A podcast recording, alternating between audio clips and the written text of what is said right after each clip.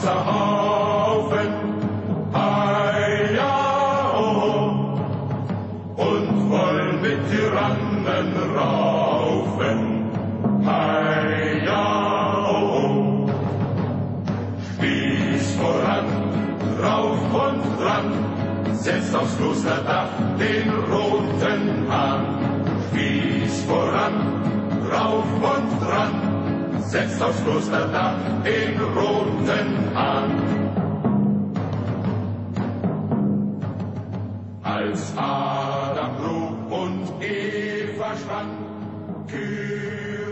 Ender helt af helvede til.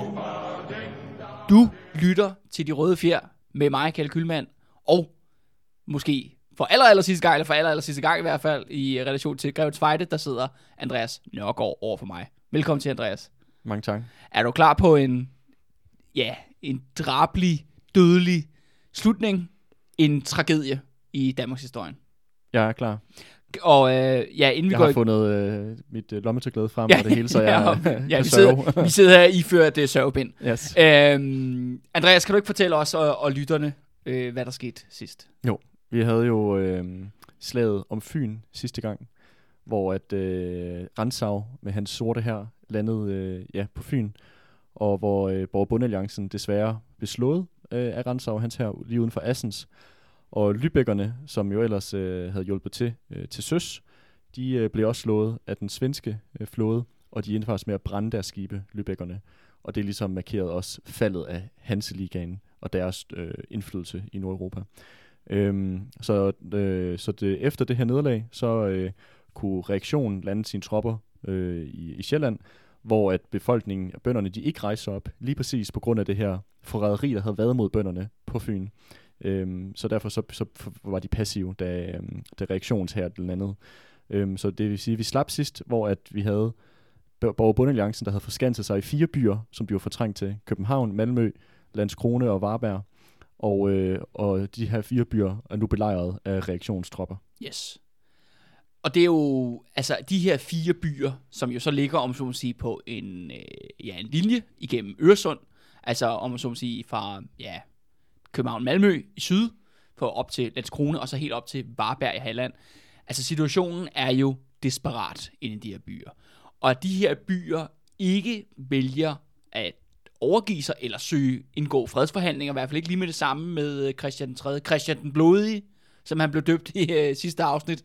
Øhm, det har jo sin årsag til ren og skær frygt.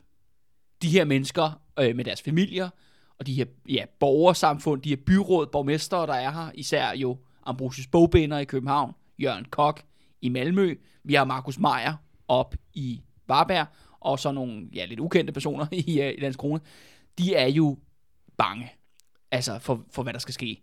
Og hvis vi ser, hvordan reaktionen har håndteret sin modstander hidtil, så er det jo med god grund. Altså det, er, der er sket, er jo, at, at reaktionen er kommet ind.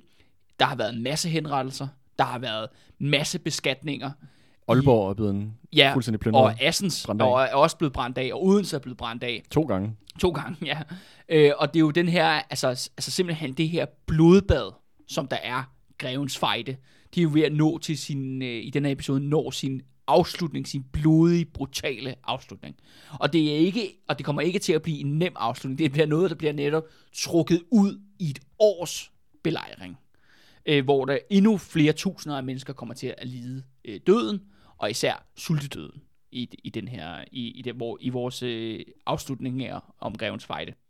Øh, Det er jo sådan her, at øh, der, øh, Christian 3. han indleder belejringen af København i øh, 24. juli 1535. Øh, og der er, sker der en ting, som er relativt vigtigt. Det er, at for det første har han ikke, øh, øh, han formår simpelthen ikke at indtage Amager som mm-hmm. ligger på den ene side af København. Og det vil så sige, at Amager jo som, ja, der er jo landbrug på Amager, og det er der sådan set øh, stadigvæk en lille bit smule af, øh, det kan sådan set stadigvæk forsyne København med, øh, med fødevarer. Men det vigtigste er faktisk, at Amagers lange kystlinje, det er jo en ø, den er, er reaktionen ikke i stand til at bevogte effektivt. Okay. Og det vil sige, at Amager kommer til at fungere som en stor smuglerrute ind til København. Okay, er det så, det er Lübeckerne, der lander? Det er Lübeckerne, ja. og det er Jørgen Voldweber nede i Lübeck, som jo stadigvæk om så må sige, er med i vores historie her. Mm. Og på det tidspunkt, når vi når ind i sommeren 1535, der bruger han vanvittigt meget tid på at prøve at forhandle og lede efter nye allierede. Og samtidig så øh, forsyner han jo skibe og sender dem op med forsyninger til København, for ligesom at holde borgerbundealliancen, eller nu kun borgerne, borgeralliancen, kan vi måske kalde den, øh, øh, ligesom at holde dem i live, øh, og ligesom at købe dem tid. Mm. Men det er jo sådan her, på, som du lige nævnte lige før, Andreas, på grund af slaget ved Svendborg Sund, eller massakren, eller hvad skal vi kalde den afbrænding af Ja. den Lübeckske flåde ved Svendborg Sund i sidste afsnit, der øh, er Lübeckerne, de kan simpelthen ikke tage kampen op på den danske flåde, under ham der, den danske admiral ved navn Peder Skram. Mm. Så de bliver simpelthen nødt til i nattens mulm og mørke, øh, og simpelthen lande på Amagers kyst og smule ting ind i København. Okay. Så de er, de er nu the underdogs, Ja, det når det de. kommer til, øh, til søs. Men de har alligevel, kan man så sige, øh, nok ressourcer i hvert fald til at i hvert fald holde, øh, øh, holde borgerne kørende ind i byen. Mm. Øh, og inde i byen jo er der øh, jo en, virkelig, om man så må sige, der er jo en, en stemning af desperation. Og samtidig har vi jo også, øh, altså vi skal lige, og hvis vi lige opridser alle de her personer, der faktisk sidder inde i København nu, ikke? Vi har jo selvfølgelig, hvad hedder det, Jørgen Kok, som bliver sejlet, han om sige, ligger i pendulfart, han bliver sådan set smuglet frem og tilbage mellem Malmø og København. Så er der selvfølgelig Ambrosius Bogbinder, som jo er jo en form for overbund. Jørgen, Jørgen Kok, vi, vi om det er borgmesteren i Malmø. Ja, men han, han, han er tit i København. Han, okay. Han er simpelthen sejlet over i nattens mulm og mørke, mm. Øh, for at være med til forskellige møder over i København. Der er Ambrosius Bogbinder jo en form for overborgmester København jo, mm. som på sin vis er borgernes repræsentant, folkets repræsentant Mm. i, in, internt i byen. Og så har vi så de her to øh, adelige commanders, altså øh, henholdsvis øh, Grev Christoffer, mm-hmm. som sidder oppe på Københavns Slot, altså fæstningen der, Ja. som du nok kan huske blev brugt til at beskyde Københavns by for, ja, puha, Et par over, et år, siden. ja, over et år siden i, i, i, i den borgerkrigen. Og så er der så ham her, Hertug Albrecht. Ja, ham her, Den her eventyren. Eventyren, ham der den fuldstændig latterlige, dårlige øh, allierede, man fik sig i sidste øjeblik. Mm-hmm. Øh, og han ville oprindeligt have haft Københavns Slot, men det vil øh, lade Christoffer ham ikke få. Så det ender med, at han tager simpelthen sit hovedkvarter op i, øh, hvad hedder det, Roskilde Bispens Bispegård, lige ved vor frue kirke. Mm-hmm. Der er Rø- Joachim Rønnaus gamle hus, der sidder han simpelthen inde med sin kone derinde. Okay. Øh, og så holder, kan man sige, Christoffer holder sit lille hof inde på Christiansborg, eller der, ja, Slottet der. Ja, slottet der. Og så er han nede på et par stenkaster væk derfra, nede på Bispegården, og der er der bare rigtig dårlig stemning. Ja. Så du har Det kan jeg ligesom, godt forestille mig. ja, og så har du så, ja, og så har du så Ambrosius Bogbinder på Københavns Rådhus. Ja. Så du har ligesom tre forskellige, om så man sige, i- ja, ja, fraktioner internt i København alene, øh, på meget, meget få kva- kvadratmeter. Ikke? Ja. Det er jo sådan her, at reaktionen har jo sådan set vundet øh, borgerkrigen, men øh, det er også det der med, at de, da Rantzau og Christian 3. indser lige pludselig, okay, de kommer sgu ikke ud med de der hvide flag øh, hængende over hovedet. De har åbenbart tænkt sig at prøve at holde ud og håbe på, at Jørgen Vollenweber kan lave et eller andet tryllnummer et eller Ja, andet for, sted. jeg, jeg skulle lige sige, det er, hvad, hvad det, det, det, er jo, det er svært at forestille sig, hvad der skal komme. Altså, det er lige før, at Ransau og Christian den 3. skal falde døde om begge to, eller et eller Ja. andet, sådan, før at, at det kunne forbedre deres Men, position bare en men lille jeg smule. kan jo ikke forklare det på anden måde, Andreas, at det her med, at folk er altså simpelthen, de er skræmte. Ja. Altså, de er desperate. De er bange. Og det er jo med god grund jo. Mm. Ikke? Det er jo Ransau den fucking sorte, ikke? Og, Mm. og Christian Blodig, der mm. står ude foran portene. Ja, ja, ja. Altså, der er, uh, i sådan en situation kan man jo spørge sig selv, hvad man selv ville have gjort, ikke? mm. Nu er jeg jo, vi er jo trods alt begge to bosiddende i København, ikke, Andreas? Jeg Ja. ved ikke, om Luk jeg- porten. ja, vi, vi har også tænkt at, at lukke porten, ikke? Altså, når, hvad hedder det? Øh, ja, når... Inger Støjberg kommer med Ja, hendes, når øh, Inger med hendes, Støjberg med hendes kommer spade med- her, med- Mink Farmer. Ja, Ja. ja, lige præcis. Så må vi jo holde ud jo, Ja. ja. til der var, måske med, med, på mirakuløs vis kommer en undsættelsesstyrke. I don't Ja, know. ja, det, er jo ja. det, der, det er jo det, der er, ja, det er jo den situation, de har stået i. Øh, men da de ligesom indser, okay, de er, kommer ikke til at overgive sig med det samme. De er sindssygt bange for os. Vi bliver ligesom nødt til at øh, gøre et eller andet, tænker mm. de. Altså lave en eller anden form for gestus. Og det de så vælger, øh, Christian 3. og Ransau, de vælger at satse benhårdt på Landskrone. Mm-hmm. Som at de satser på, at det er den by, der skal overgive sig først. Og det er også noget at gøre med, at øh, byen er jo mindre, de har mindre forråd, ved de. De har faktisk også spioner inden for murene, der ligesom kan ja, komme ud og snakke med dem øh, på forskellige tidspunkter. Og så er det jo også det der med, at de har jo en stærk flåde nu, som kan jo prøve at ligge og blokere. Men den her flåde har brug for en havn, en stor havn. Og det er sådan her, at øh, Borg- holder faktisk alle de store havne langs Øresund, så de har simpelthen brug for et eller andet sted. Så siger okay, vi, det, vi bliver nødt til, inden isen kommer, og dengang var der jo is, der kom simpelthen is på Øresund jo, regelmæssigt hver, næsten hver vinter. Så det vil sige, vi Og skal det er også det, der gjorde, at svenskerne nogle gange kunne gå over isen. Ja, det var lidt en anden historie, men det er rigtigt, ja. Det, det gjorde de også, ja. ja. Øh, og det vil sige, vi bliver nødt til at have et sted, hvor vores flåde kan komme ind, inden isen kommer, fordi ellers så har vi opbygget, eller Gustav Vasa har betalt øh, at opbygge en kæmpe flåde, som så kan blive smadret ved ja, dårlig vejr. ja. Ja. dårlig vejr simpelthen. Så de satte sig simpelthen øh, benhårdt. Øh, og det ender så med mange forhandlinger, at den 11. oktober 1535, der vælger så Landskrona at overgive sig til reaktionen. Mm-hmm. Øh, og det gør de simpelthen for, at byen får frit lejde. Okay, så det er ligesom, øh, vi slår en streg over det. Ja, vi slår en stor streg over det. Så de, de skal selvfølgelig underkaste sig, de sværger troskab til øh, Christian 3., han er Hyllems nye konge, men det fører faktisk til, at Landskrone slipper, om så må sige, gratis Hmm. ud af konflikten. Og så kan floden så lægge til der i Landskrona. Ja, ja, lige præcis. Og det er jo også et signal til resten af ja, byerne, som holder ud jo, at der ligesom er en, en, en vej ud jo. Mm. Øh, men faktisk, så fører, men faktisk både Malmø, København øh, og Varberg op i Holland, de fortsætter faktisk med at holde ud. Okay. Altså, de, selvom at Landskrone, de, altså Christian 3. ligesom, okay, spreder nyheden, okay, Landskrone har fået frit lejde, mm. der er en vej ud, han hører ingenting tilbage. Mm. Og det er også det der med, altså, det er jo det der med, at, at han har jo vundet krigen, Mm. men de er ligesom... Der er ikke sat de punktum vil, ved det ja, nej, de vil ikke anerkende det, vel? De vil Ja. ikke give ham den der endelige sejr. Og det må også være enormt frustrerende i reaktionens Lejr, i, re, i re, lejr, ikke det der med, at de ikke kan få afsluttet det der med, og, og København er jo hovedstaden. Mm. Du ved, så, så, ydmygende. så, du ved, Christian 3. er blevet øh, kronet til konge i samtlige landsdele i, i, i Danmark, øh, men han kan simpelthen ikke komme ind i sin hovedstad, ikke? Fordi nej, der og- sidder jo Ambrosius bogbinder, Ja, ikke? og, og Greve Christoffer sidder på hans slot. Ja, ja, lige præcis, ja. ikke? Ja. Øhm, samtidig har vi jo så øh, øh, altså Jørgen Voldweber nede i Lübeck. Han er, om så sige, han fortsætter øhm, og øh, øh, med at ligesom, ja, prøve at se at samle forsyninger ind, skrabe, hvad han nu kan. Og det er jo klart, når vi går ind i vinteren 1535, fordi som, ja, som vi ved jo, vinter er jo der, hvor at maden slipper op, foråret slipper op, der kommer mm. ikke nye Øh, der er ikke, ja, kornet på marken, det vokser sjovt nok ikke, når der er frost i jorden. Mm. Øh, så det er jo det, der er afgørende. Vil øh, belejringerne ved byerne knække sammen den første vinter i denne belejring? Men der øh, formår faktisk Jørgen Voldweber at udruste en ret stor forsyningsflåde. Det er ikke en flåde, der sådan set kan true Peder Skram eller reaktionsflåde militært set, men det er en stor flåde, der kan få Malmø og København igennem vinteren. Mm. Og det er jo afgørende, fordi når, så- når, så tænker de, til foråret, så kan det være, at situationen kommer en anden. Der kan være, at øh, vi kan få folk med ind på vores side okay. til at kæmpe og komme og sende en her til at, ligesom at befri de her byer. Og den her flåde, som Lybingerne sender op, den ankommer faktisk til Saltholmen øh, den 11. november øh, 1535. Og hvor er det Saltholm? Jamen det er faktisk Øresundsbroen. Den ja. Rammer faktisk den her ø, som, øh, eller, eller i hvert fald tæt, tæt forbi den her ø, som ligger midt ude i Øresund. Okay. Altså som, som er en lille bitte ø. De, men de her lybækker, de lander simpelthen på, på Saltholm langs den der kyst på den der by, og så øh, for robåd fra Saltholm sejler de så over til Amager Okay. i simpelthen i pendulfart med de her øh, øh, forsyninger. Øh, og, det er, og det går faktisk, de får faktisk sendt rigtig mange forsyninger over, før ligesom Peder Skram faktisk opdager dem. Ja. Øh, og så kan man så sige, øh, ja, så går de til angreb. Men det faktisk Peder Skram, han gør, er, at han selv sender øh, både og mindre skibe ned langs Øresund i det her vand, der er mellem Saltholm og Amager, men der han sætter ild til de her skibe. Okay. Det er det, der hedder et ildskib. Det ved jeg ikke, om du nogensinde har hørt om, øh, Nej, det har jeg Andreas. ikke. Det har jeg ikke. Jamen, det er, det er noget, man faktisk fortsætter med at bruge ja, til langt op i, om man siger, sige, nyere tid. Hvis man har et gammelt skib, som øh, måske ikke lige så, at du ved, det har ikke nogen kanoner eller noget som helst, mm. men man kan simpelthen stoppe det fyldt af brandbart materiale, øh, hø, eller hvad fanden det nu kan være, ikke? Øh, og så sætter man ild til det. Ja. Og så hvis man ligesom har, man ved jo, man har vinden eller havstrømmen på sin side, jamen så sætter man det her skib ned mod en fjendtligsindet flåde. Altså okay. Uden, uden der er nogen, der fører det. om Ah, så må ude sige. det er som Ja, det driver, det ja, driver simpelthen ja, for vand og, vand og vind, ikke? Så driver de simpelthen ind i øh, flåden, og så kan de sætte ild til rigtig mange andre skibe. Mm. Så du skal forestille dig den her flåde, der om så Lybinger, der øh, sejler over til Amager i mindre båd, og så lige pludselig kommer de der brandskibe, ildskibene, Mm. sådan set flydende ned igennem det der sund der.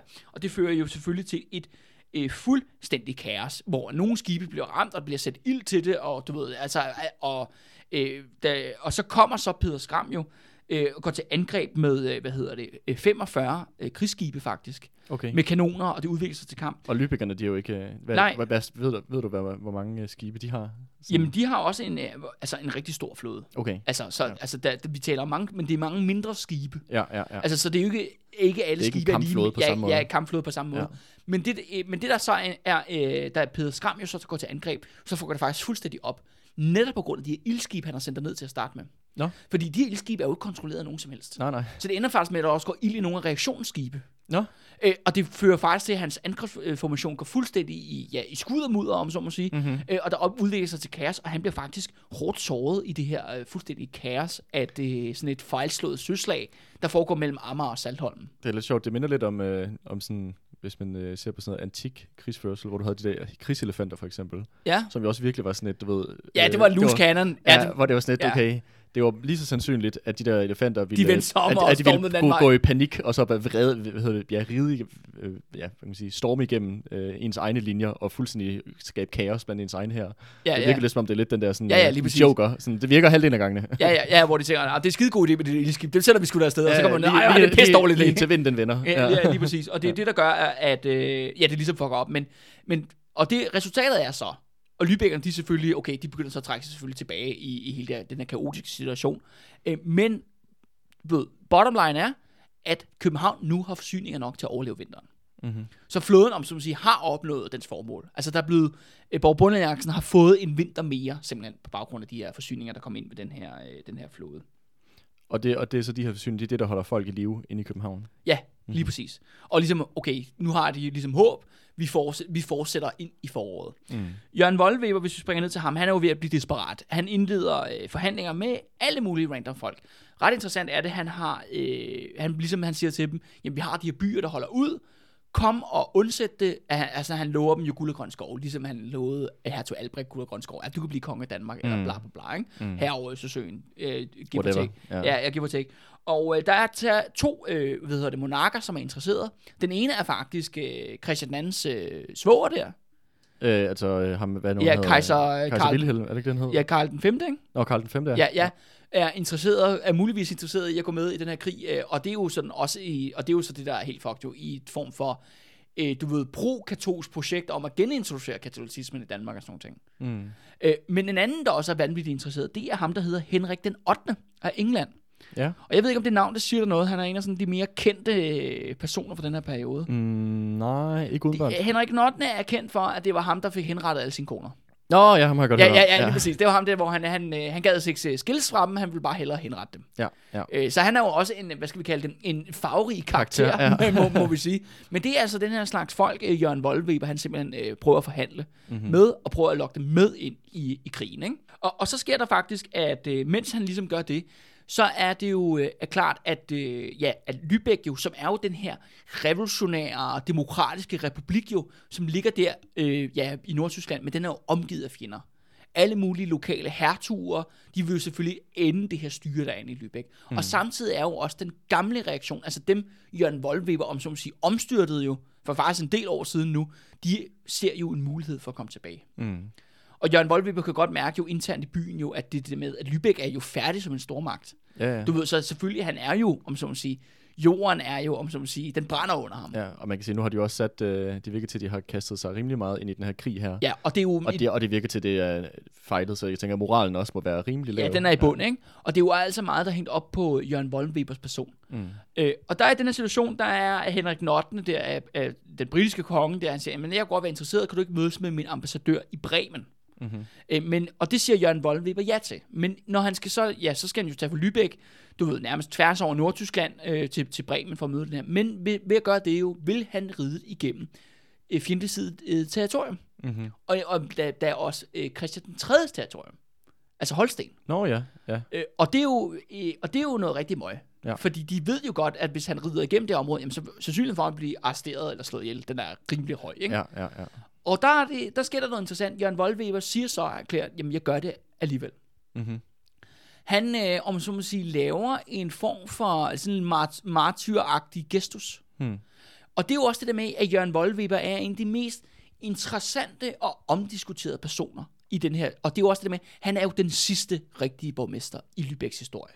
Det skal vi også huske. Mm-hmm. Fordi, altså, det, øh, du ved, vi har haft alle mulige borgmestre gennem Lübecks historie, som jo har været the bad guys, øh, som vi har talt om tidligere.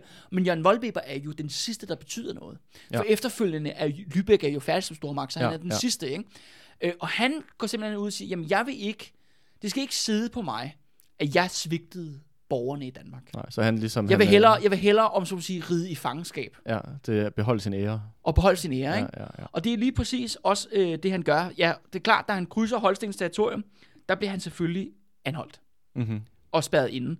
Øh, og der øh, begynder simpelthen et torturmarathon på Jørgen Voldweber.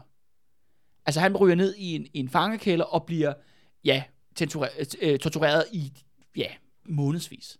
Okay. Øh, og bliver jo selvfølgelig siger, at du skal indrømme det her, det her. Og der er det så interessant, det er, at det er jo det, de vil gerne have ham til at indrømme, det er jo det der med, at han er himmelskommunist. Mm-hmm. Og Og han ja, vil ligesom dræbe- dræbe, sådan ja. ja. uh, mønster, hvad nu han hedder. Ja, Thomas ja, Thomas Münster, ja. ja. ja. Og, og det der med, at han vil omstyre og dræbe hele adelen i Danmark og sådan noget. Det er ting, ja. de anklager ham for.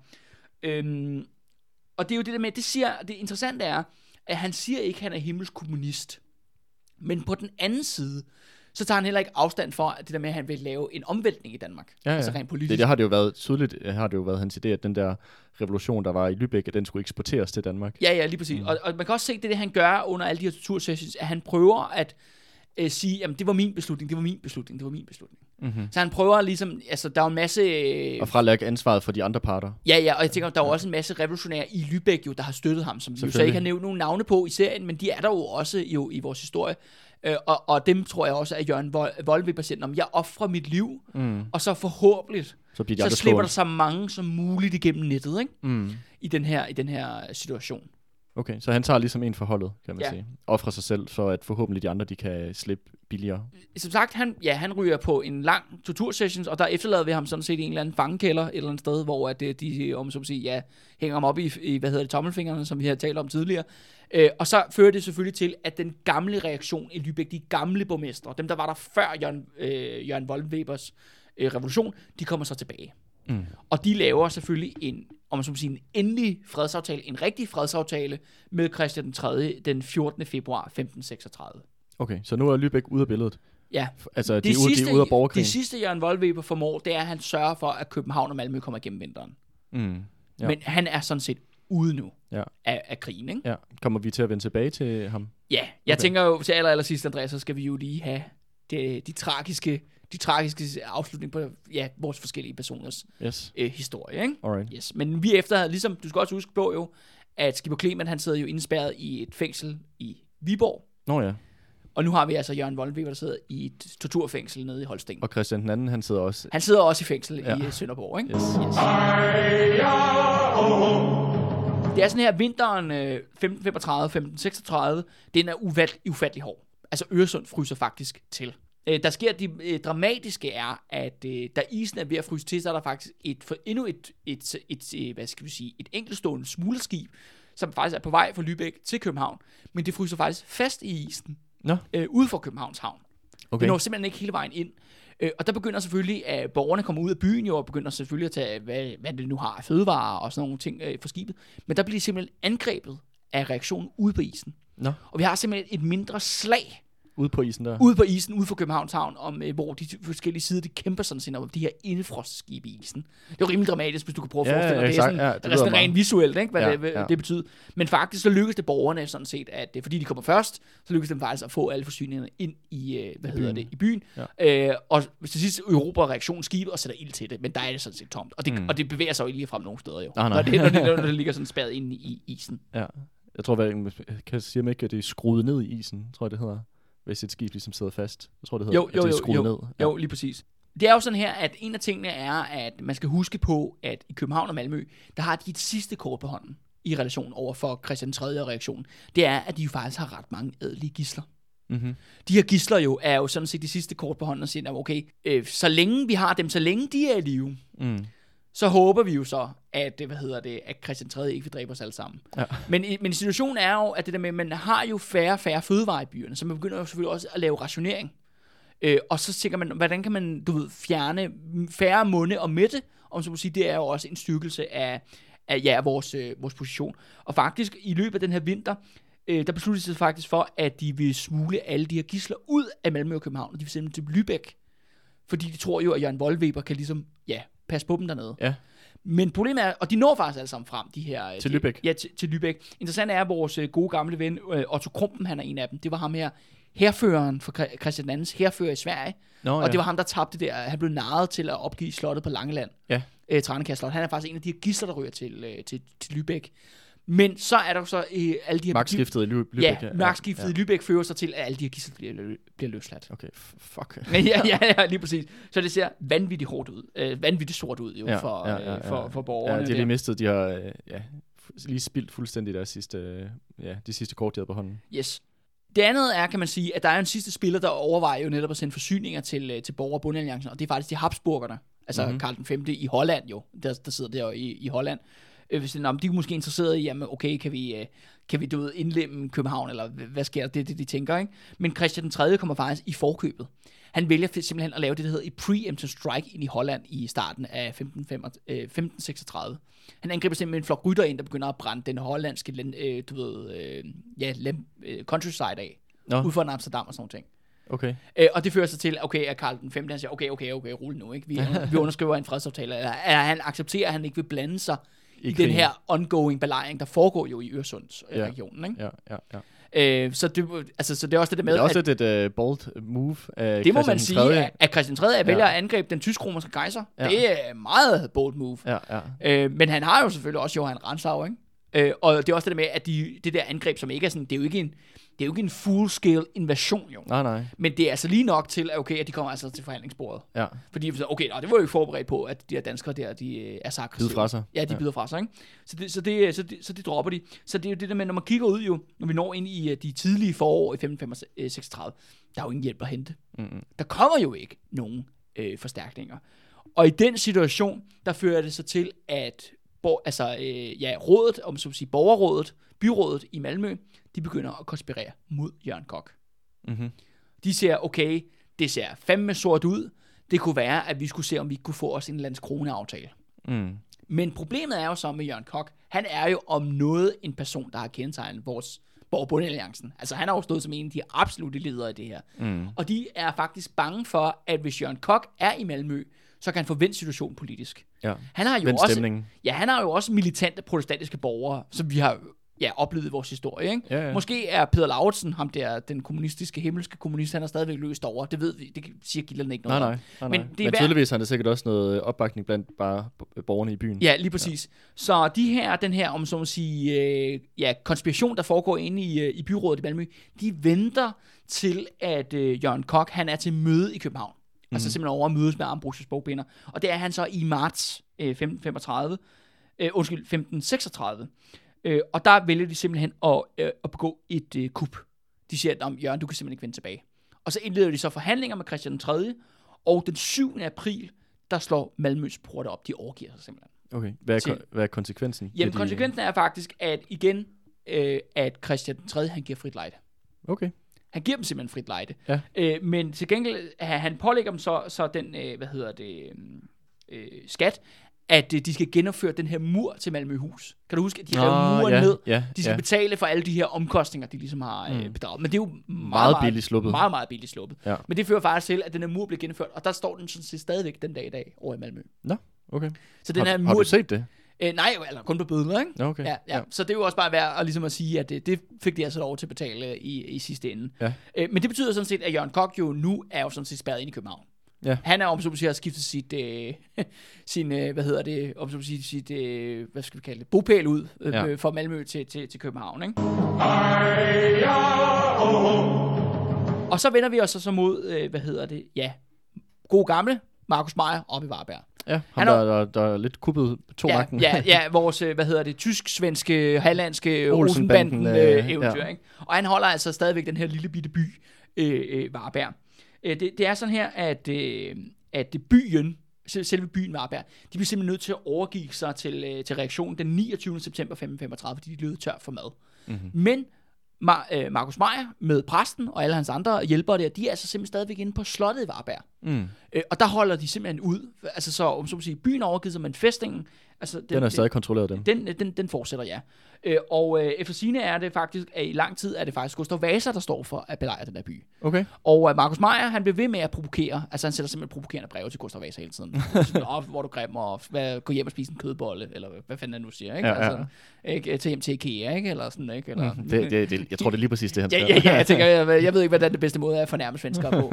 sådan, og du er uordentlig tøjet, eller du er ikke høflig nok, eller I, I don't know, ikke? Altså, øhm, eller og sådan, får du noget humor, ikke? Eller hvad fanden? Ja, men der er mange ting, man kan tage fat i i. Lige, Ja. lige præcis. Han, han kører altså på de her svenske belejer, og Gustav Vasa er pænt sur, Mhm. mm-hmm. skal det siges.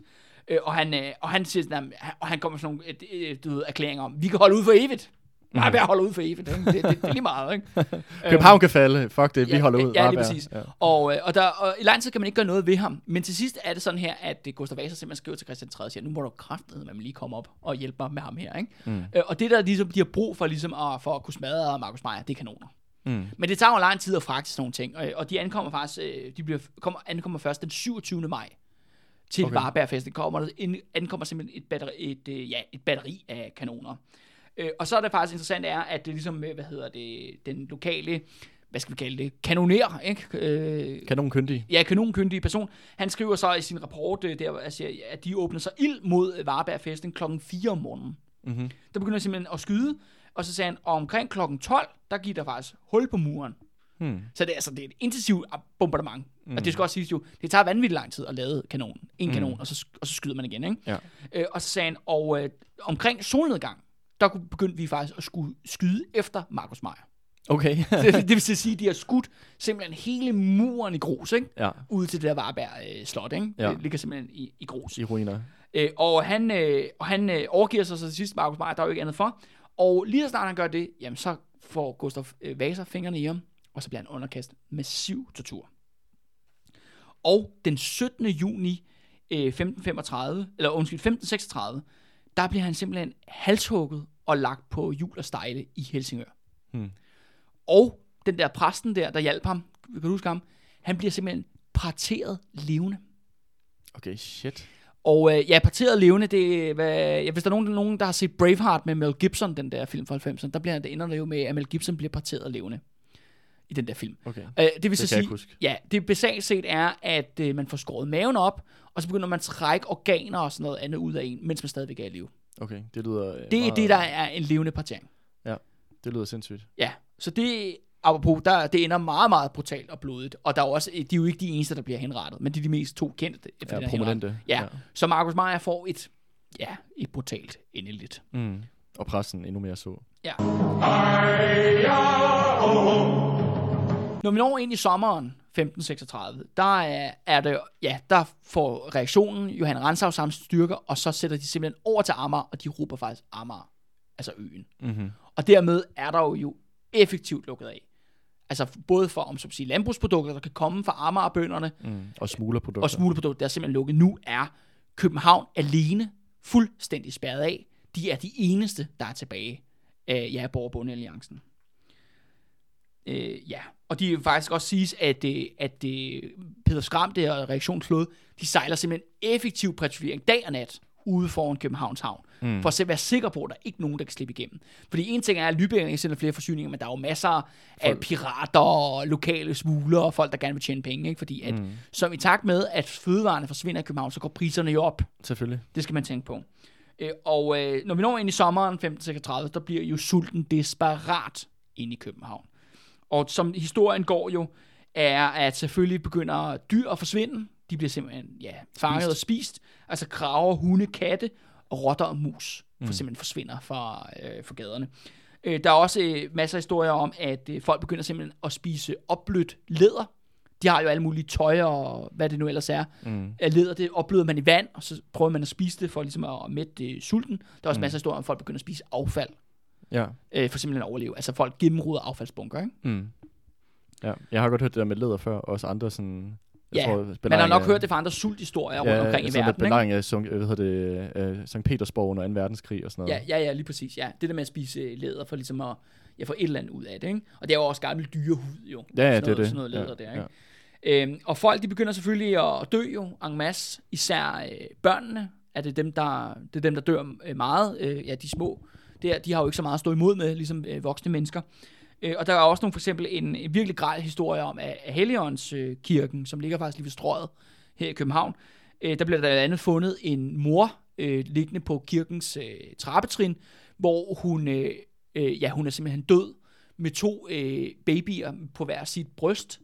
Øh, og da man prøver at fjerne de der babyer, så løber der simpelthen blod ud af brysterne på hende. Og de dør alle sammen, ikke? Altså, de, Shit, de, det det, her, øh, det her sult. Øh, Der er masser af historier om, at når man vågner hver dag, du ved, København er jo omgivet af volde og mure og tårne og sådan nogle ting, at man finder simpelthen øh, døde børn en masse ude på voldanlægget, hvor de her børn har, om som siger, græs og blomster i munden. Mm. Altså man begynder simpelthen at æde det der, spise det der græs, ikke? for mm. ligesom at prøve at aflege, øh, overleve. De her beskrivelser, der er, er fuldstændig grælde. Altså det bedste, jeg kan sammenligne med, som folk nu kender, jamen det er jo, hvis folk nogensinde har set billeder eller film fra koncentrationslejre Mm. efter 2. verdenskrig. Folk er simpelthen, du ved, altså de er jo de her, øh, man har et ord for det jo fra 2. verdenskrig, man kalder dem øh, musselmændene. Altså de her dødningen, der går levende rundt mm. i de der ja, koncentrationslejre, så man kan, ja, det kan man google på nettet, så kan man se et billede af det. Og det er altså sådan, folk ser ud i København øh, i de her, den her sommer. Mm-hmm. Altså det er det, byens indbyggere, de er blevet til, ikke? Øh, og vi har ikke noget øh, godt, øh, hvad hedder det, øh, dødstal øh, på, hvor mange der dør. Altså København er jo et by på omkring 25.000 indbyggere på det her tidspunkt. Men altså, hvis vi siger, jeg tror i hvert fald 10.000, det er nok ikke helt ja. skudt forbi. Så jeg. sådan lidt under halvdelen. Ja, ja, det er det, det vi, er, vi er ude i. Øhm, yes. Øh, og den her situation er det, men der er stadigvæk nogen, der får noget at spise i den her by. Og det er jo selvfølgelig øh, de adelige, især hertug Albrecht. Mm. Han får noget at spise. Grev Kristoffer får altså også stadigvæk noget at spise. Mm. Altså de her ledere skal nok sørge for at få noget at spise. Ja, og der er jo også alle de her legesoldater, de har. De har stadigvæk den sidste rest af legesoldater, der er jo ligesom er dem, der forsvarer byen. Det er dem, der holder, ja. holder Københavns øh, fæstning. Ja. Øh, og i denne situation bliver det simpelthen øh, ja, desperat, og så beslutter de sig for, at alle de her fattige, altså sultne fattige mennesker, de har, de vil simpelthen sende dem ud af byen. Mm. Så de simpelthen soldater går rundt og, du ved, tvinger dem ud af husene, øh, samler dem alle sammen sammen ude foran, øh, hvad hedder det, port, en af portene der, Nørreport, og så åbner de porten, og så sender de de her mange tusind mennesker, primært kvinder og børn og gamle mennesker, ikke? de bliver så sendt ud af byen.